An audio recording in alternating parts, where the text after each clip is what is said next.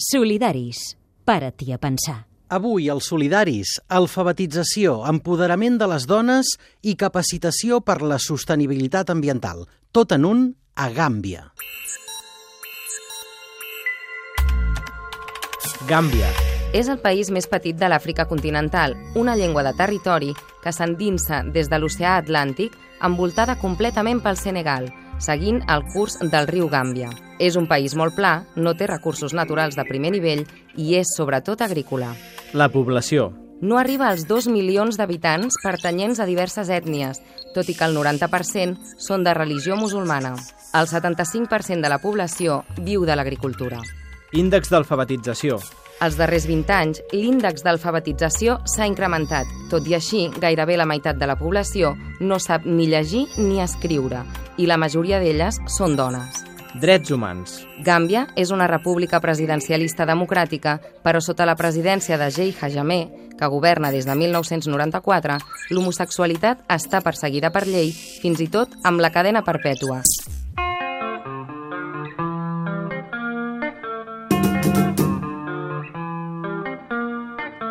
A Catalunya Ràdio, Solidaris, amb Adrià Bas.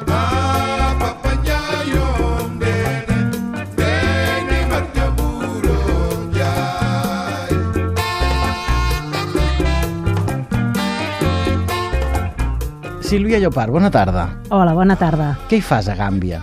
Doncs a Gàmbia estem gestionant un projecte d'empoderament de la dona. Uh -huh. Bueno, les dones van demanar que el que volien era formar-se més perquè estaven cansades, per exemple, que quan portaven un negoci fossin els homes, bàsicament, que portaven les comptes i després no, no acabaven d'encaixar els números, no? Mhm. O, per exemple, que volien utilitzar el telèfon i sempre havien de, de demanar a algú altre que els hi marqués el número, no? Per què? Perquè no el sabien Perquè, marcar. clar, no, estaven reconeixien al- els números. No estaven alfabetitzades. Ah. Ah. Llavors vam començar doncs, tot un procés d'alfabetització i després vam començar doncs, a fer formacions ocupacionals que elles demanaven o que es veien les necessitats del mercat. I bàsicament tot seguint una metodologia que és mm, d'itineraris d'inserció com fan aquí les empreses d'inserció de Catalunya. Uh -huh. I això ho fas a través o col·labores amb una entitat, amb una ONG, entenc. Sí, l'entitat promotora aquí a Catalunya és Solidança, que és una empresa d'inserció sociolaboral, i després, amb allà, la contrapart és Embolo Association. Quants anys fa que vius tu a Gàmbia, Sílvia? Sis. Sis anys. Per què vas marxar?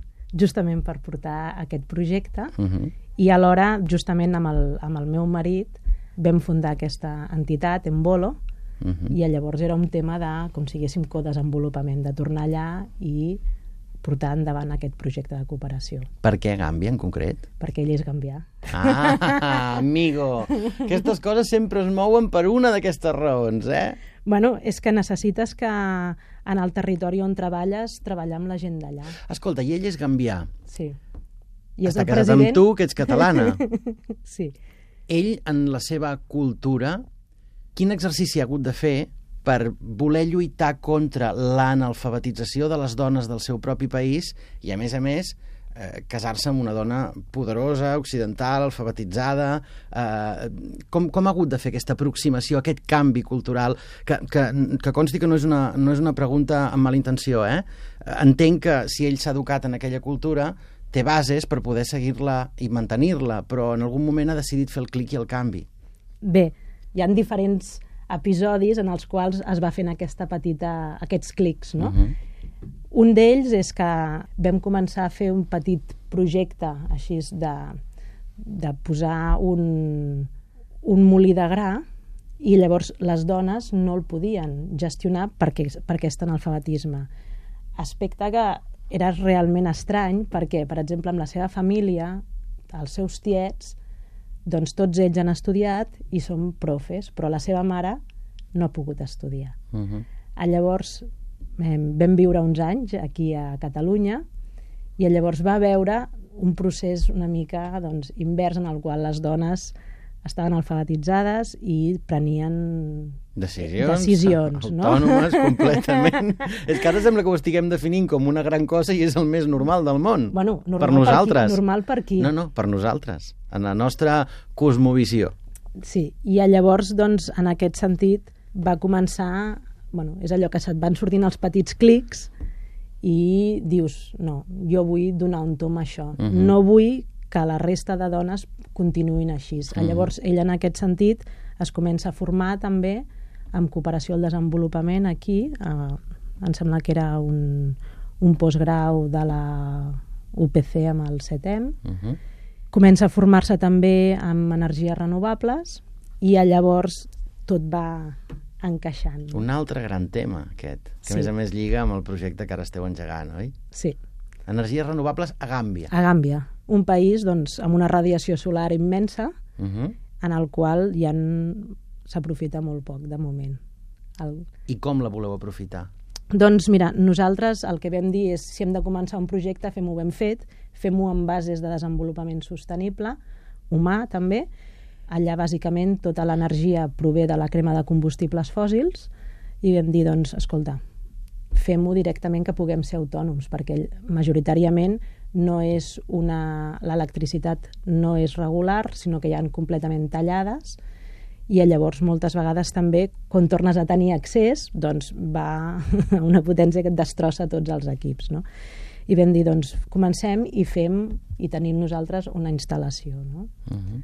vam començar amb una petita instal·lació de 8 plaques però no ens donava cobertura suficient llavors el projecte el vam presentar amb una convocatòria que hi havia del GEF, que és el Gran Environmental Facility, i UNIDO, que és de Nacions Unides pel Desenvolupament Industrial. Érem el projecte més petit, vam entrar amb calçador, com si diguéssim, perquè ens vam assabentar dos dies abans de la convocatòria, de, de que finalitzés. Ens van escollir per fer una instal·lació híbrida solar i eòlica al ser un projecte demostratiu, el que volíem era poder demostrar que els diferents recursos naturals que tenim allà ens poden generar energia. No? Mm. I llavors això ho vam fer amb una cooperativa d'aquí de, Cata de Catalunya, que estan especialitzats en sistemes autònoms també d'energies renovables, i llavors vam treballar conjuntament. Digue-ho, com es diu? Azimut. Ah, ja que ho diem, diguem-ho tot. sí, sí. I en quina fase està ara el projecte? Doncs mira, el projecte vam fer la instal·lació el 2012 i llavors el que incluïa era que nosaltres vam instal·lar conjuntament amb els enginyers l'equip d'en Bolo per tal de que sapiguéssim com funcionava tot. I després vam fer una formació de disseny i manteniment per poder portar el manteniment.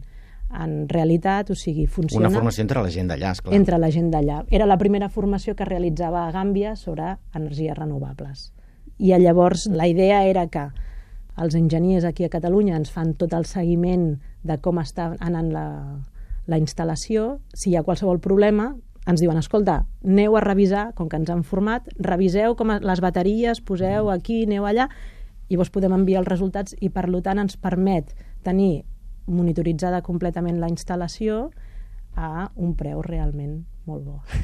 Interessant. I, I llavors t'explico. Resulta que en aquesta formació van venir 30, 30 tècnics de tot Gàmbia, perquè ens van demanar que ho féssim per tot Gàmbia, i però resulta que no hi havia dones. Cap de les Ah, i tu vas dir, no pot ser. Bueno, ho van dir les mateixes dones. Van dir, per què Redimonis ens ve a visitar tanta gent ara? Què és el que està passant aquí, no? I llavors les, els hi vam començar a explicar, a ensenyar, i van dir, nosaltres també, També. en volem aprendre, Clar no? que sí. I llavors hem començat doncs, tot un projecte de formació tot un any perquè les dones puguin ser operàries no? d'instal·ladores solars. Tu ara deies fa una estona, Gàmbia és un país que té una radiació solar eh, tremenda que es pot aprofitar. Sabem que és un país molt petitet, que és una sí. llengüeta de terra que entra dins del Senegal, eh, que aprofita la llera del riu, però què més és Gàmbia? Bé, Gàmbia és l'entrada a l'Àfrica Occidental. I ara et brillen no. els ulls! Oh! Home, sis anys vivint allà, si no em brillen, no pot ser. Clar. Eh? Home, Gàmbia és, un, és una entrada fantàstica a l'Àfrica Occidental que ens permet poder visitar d'una manera molt suau, molt maca, amb molta hospitalitat de la gent, tenir un contacte amb ella, no? Uh -huh. Molt bé, Sílvia, moltes gràcies. Quan tornis a venir a Catalunya, torna'ns a visitar. Val, moltes gràcies. I llavors ens portes les novetats de les plaques, dels cursos, de les capacitacions... Home, això seria fantàstic. Adéu-siau, Sílvia. Adéu, merci. A Facebook, a Twitter i a catradio.cat, solidaris. amb Adrià Bas.